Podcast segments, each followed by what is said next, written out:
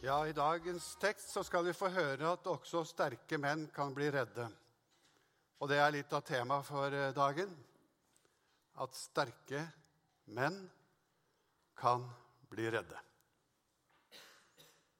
Skal vi reise oss og høre teksten? I fengselet fikk Johannes høre om alt Kristus gjorde. Han sendte bud med disiplene sine og spurte, 'Er du den som skal komme, eller skal vi vente en annen?' Jesus svarte, 'Gå og fortell Johannes hva dere hører og ser.' Blinde ser, lamme går, spedalske renses og døve hører. Døde står opp, og evangeliet forkynnes for fattige. Og salig er den som ikke faller fra på grunn av meg. Da de gikk, begynte Jesus å tale til folk om Johannes.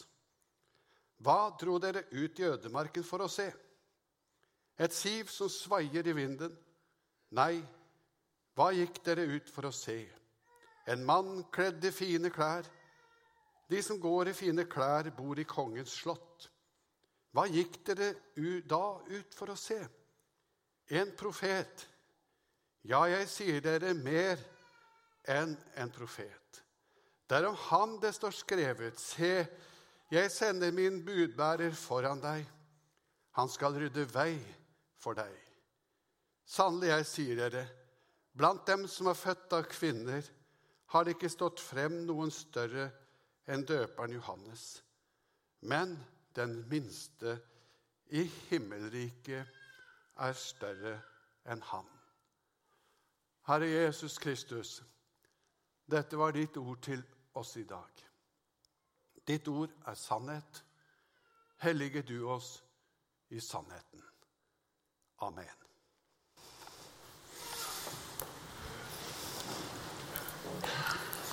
Jeg har hørt denne teksten blitt preket over av mange av våre store lærere.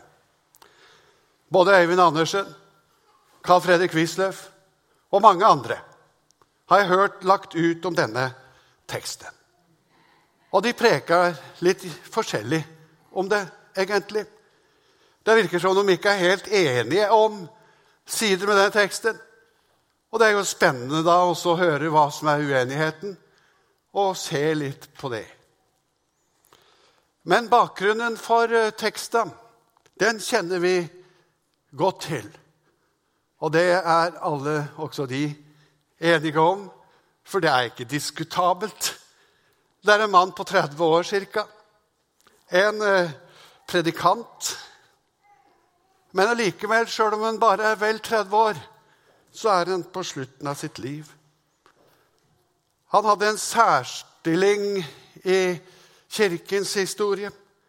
Blant den som er født blant kvinner, er det ikke noe som er større, hører vi, enn døperen Johannes. Han var en profet som skulle rydde vei for Herren. En som skulle være med i den store frelsesplanen. Denne mannen han eh, levde av vill honning og gresshopper. Han var kledd i en kamelkappe, og han preket vekkelsens budskap der i ødemarken. Denne mannen han snudde ikke kappa etter vinden. Han refset sjølveste Herodes fordi han levde i hor med sin brors hustru. Sjøl om å refse Herodes var forbundet med livsfare. Og det var jo også den direkte årsaken til at han nå satt der i det mørke fangehull. Dette var en predikant, en forkynner, en vekkelsens mann. Og jeg har lyst til å si at Når vi leser om døperen Johannes, så finner vi mannen. Mannen med stor M. Og Det er liksom et forbilde for oss som eh, ja, ønsker å være litt av det samme. Han er et stort forbilde for mange, døperen Johannes. Men nå, nå satt han i fengsel, i det mørkeste fangehull. Nå var han tatt til side. Det ser ut til at satt der, denne mannen, slektningen til Jesus, og forløperen til Jesus. Mens vennen hans, Jesus, han besøkte han ikke. Men han hørte da om det Jesus gjorde. Like før dette som vi leser om i dagens tekst, så oppvakte han enkens sønn i Nain. Dette hadde Johannes sikkert fått høre om av sine disipler som gikk da ut og inn i fengselet. Det var antageligvis det eneste lyspunktet døperen hadde, at han fikk lov til å få besøk av sine disipler. Så sender han da sine disipler til Jesus og stiller da dette spørsmålet Er du den som skal komme? Eller skal vi vente en annen? Og det er nettopp her Øyvind og Carl Fredrik og disse predikantene begynner å gå hver sin vei for å tolke litt om hva ligger det bak det spørsmålet. Vel, å diskutere altfor meget om dette vil jeg si er kanskje å diskutere litt pavens skjegg.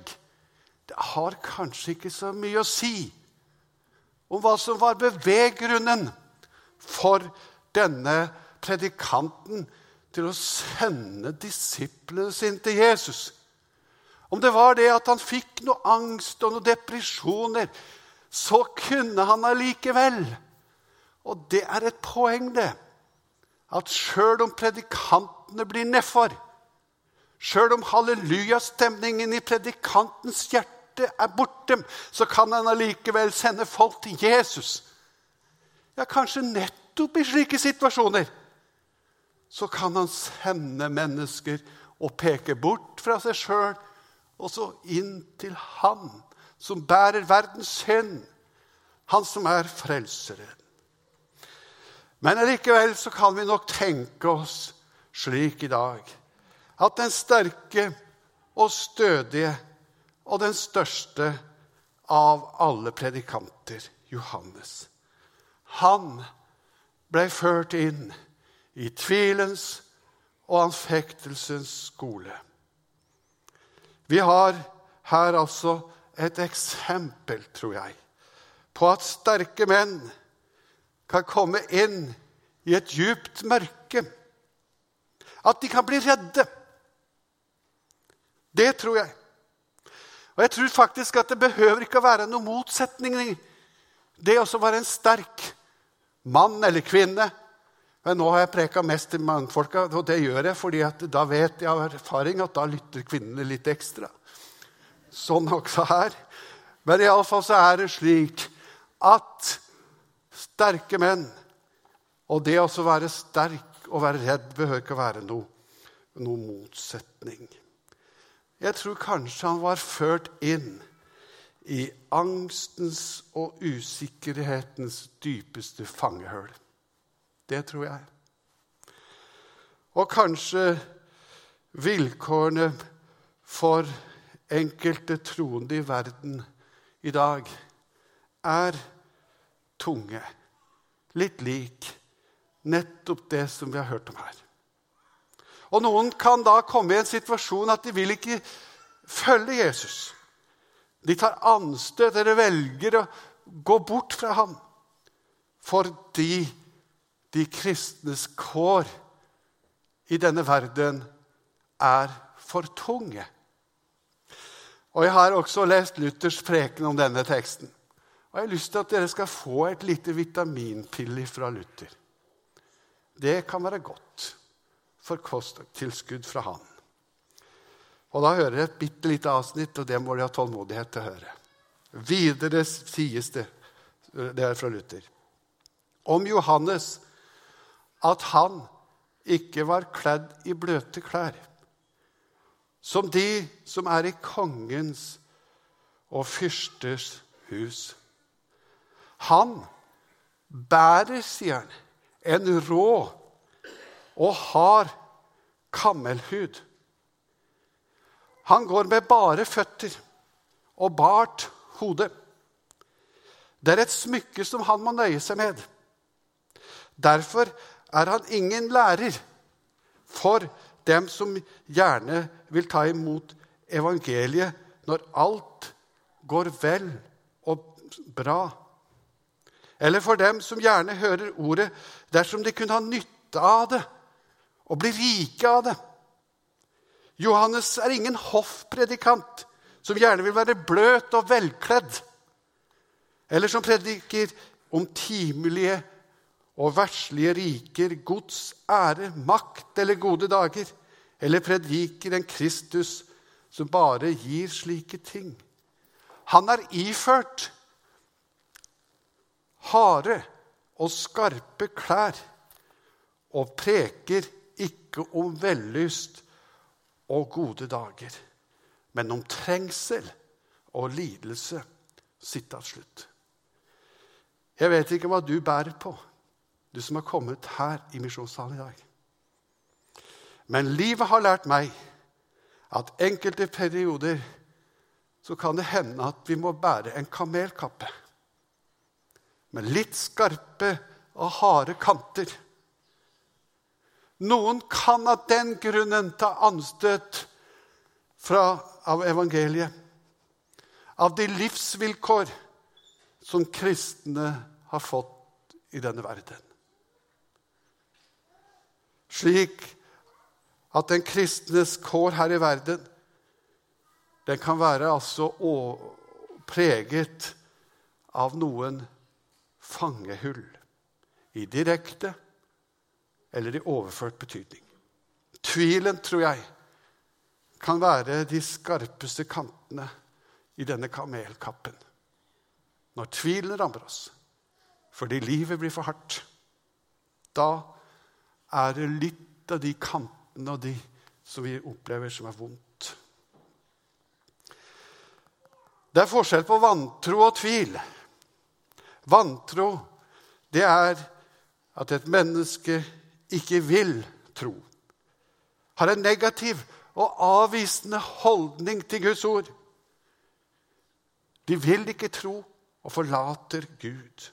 Men tvil, tvil, det er at et menneske kommer inn i en situasjon hvor de gjerne vil tro, men kommer til Jesus med sin vantro eller sin tvil og sier, 'Hjelp min vantro. Jeg vil gjerne få tro.' Og det er en som sier det slik at Gud selv vekker i den troende de spørsmål han ønsker at denne kristne skal få svar på. Det er en av årsakene for at vi ble kastet inn i tvil at Gud fører oss inn i tvil med vårt liv. Hva er så det rette å gjøre for de som er kommet inn i tvil? Og I dagens terapeutiske tidsalder så er det sånn at det er et råd som spres rundt. Snakk om det, sier de. Snakk om det i hytt og dynevær.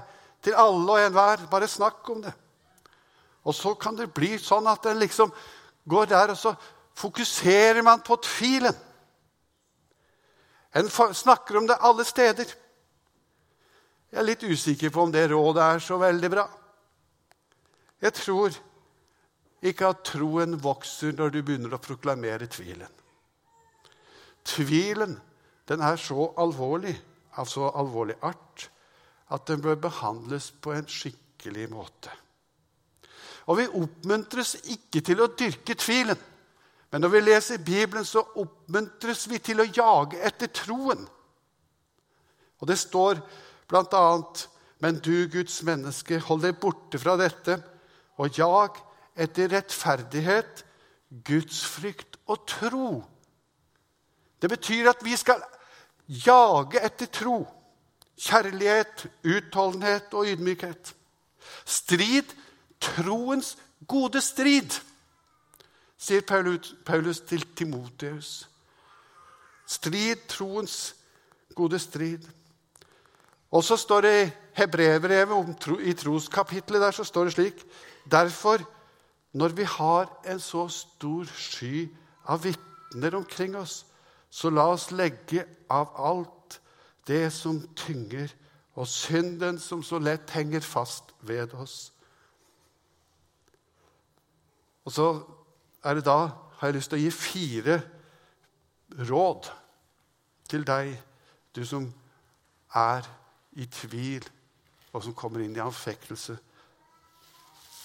Det første jeg vil si, det er at du skal lytte til vitnesbyrd av denne sky av vitner som er omkring deg.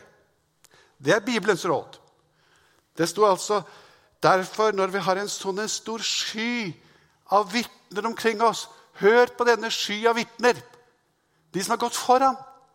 Lytt til deres erfaring, deres livserfaring og troserfaring. Hør hva dem har å si, og hvordan dem hadde det når de var i tvil og anfektelse med sitt liv. Det andre som disse tekstene jeg har lest opp, gir oss råd om Sett blikket mot Han som er troens opphavsmann og fullender.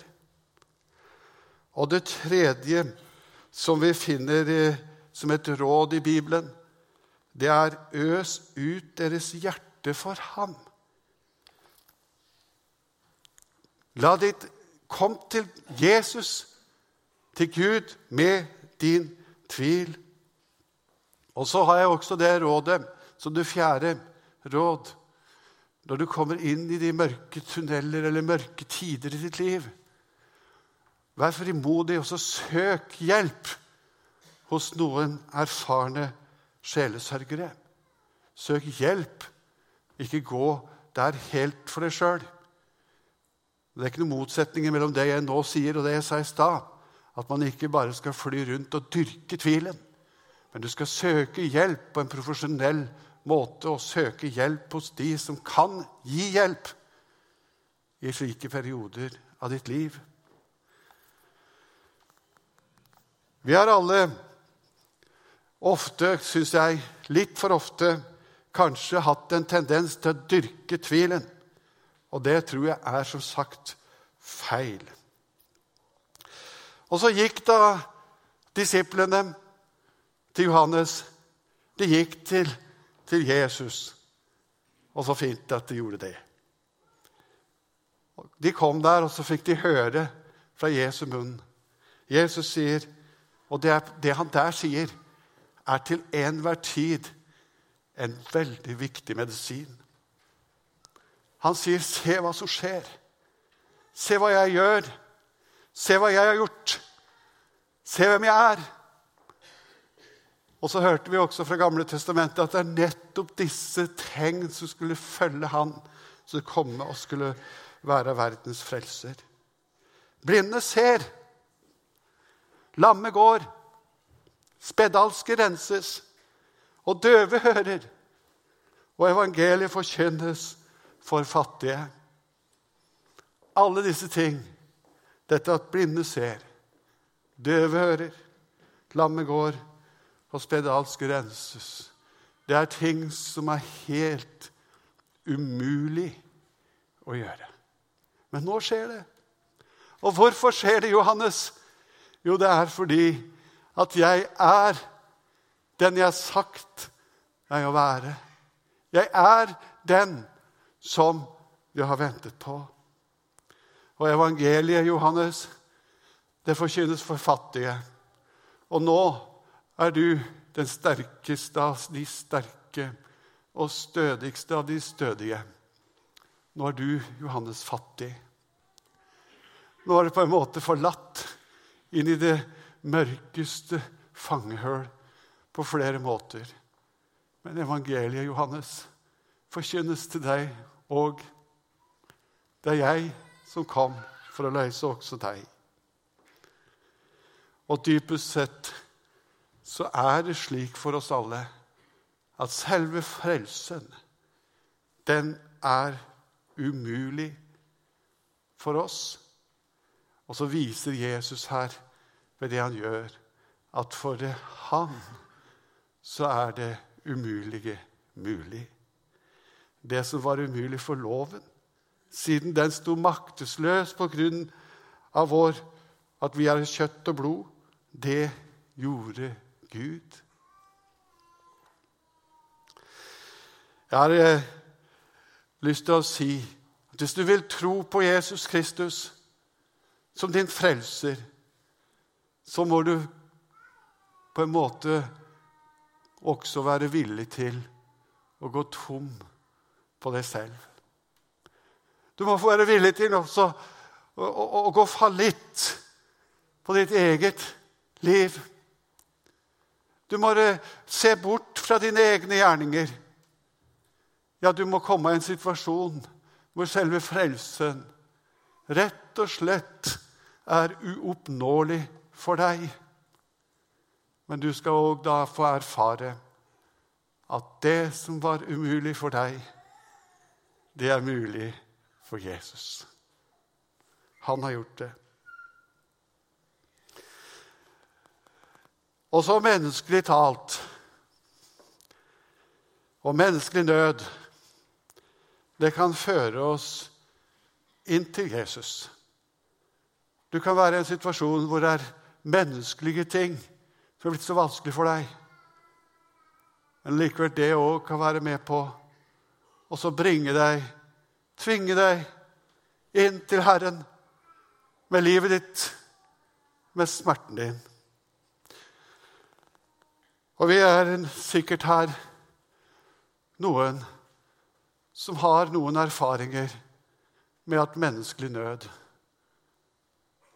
fører oss til Jesus. Jeg har slike erfaringer. Og Jeg vil dele dere, med dere nå en slik opplevelse som jeg sjøl har opplevd.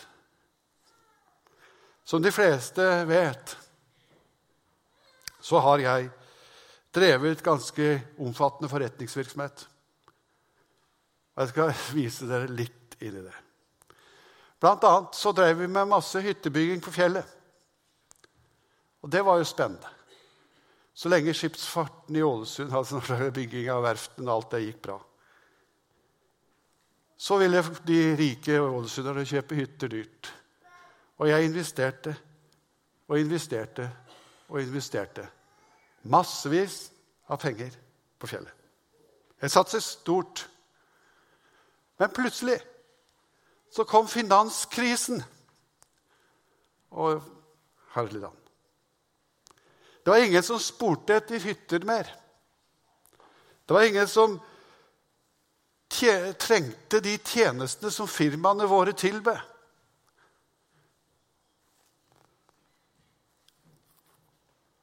Og det var en mørk natt. Jeg lå aleine på hytta, for det pendla opp og ned mye. Og bodde på fjellet. Det var 17 minus ute, og det var kaldere i mitt indre. Jeg lå våken hele natten. Jeg ba og tenkte og regna og ba og kjempa. Jeg tror redselen var i ferd med å ta tak i hjerterota mi. Det dreide seg ikke om noen småkroner som jeg kunne bare ringe til tante og onkel for å låne. Men det dreide seg om veldig, veldig mye penger. Og den natten husker jeg det var helt stille. Rundt omkring i hytta og på fjellet var ingen andre enn Fred som var der mørkt, kaldt. Jeg sto opp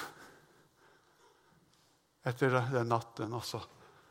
og så gikk jeg i stua, skrudde på radioen. Og så første lyden som kom, var dette.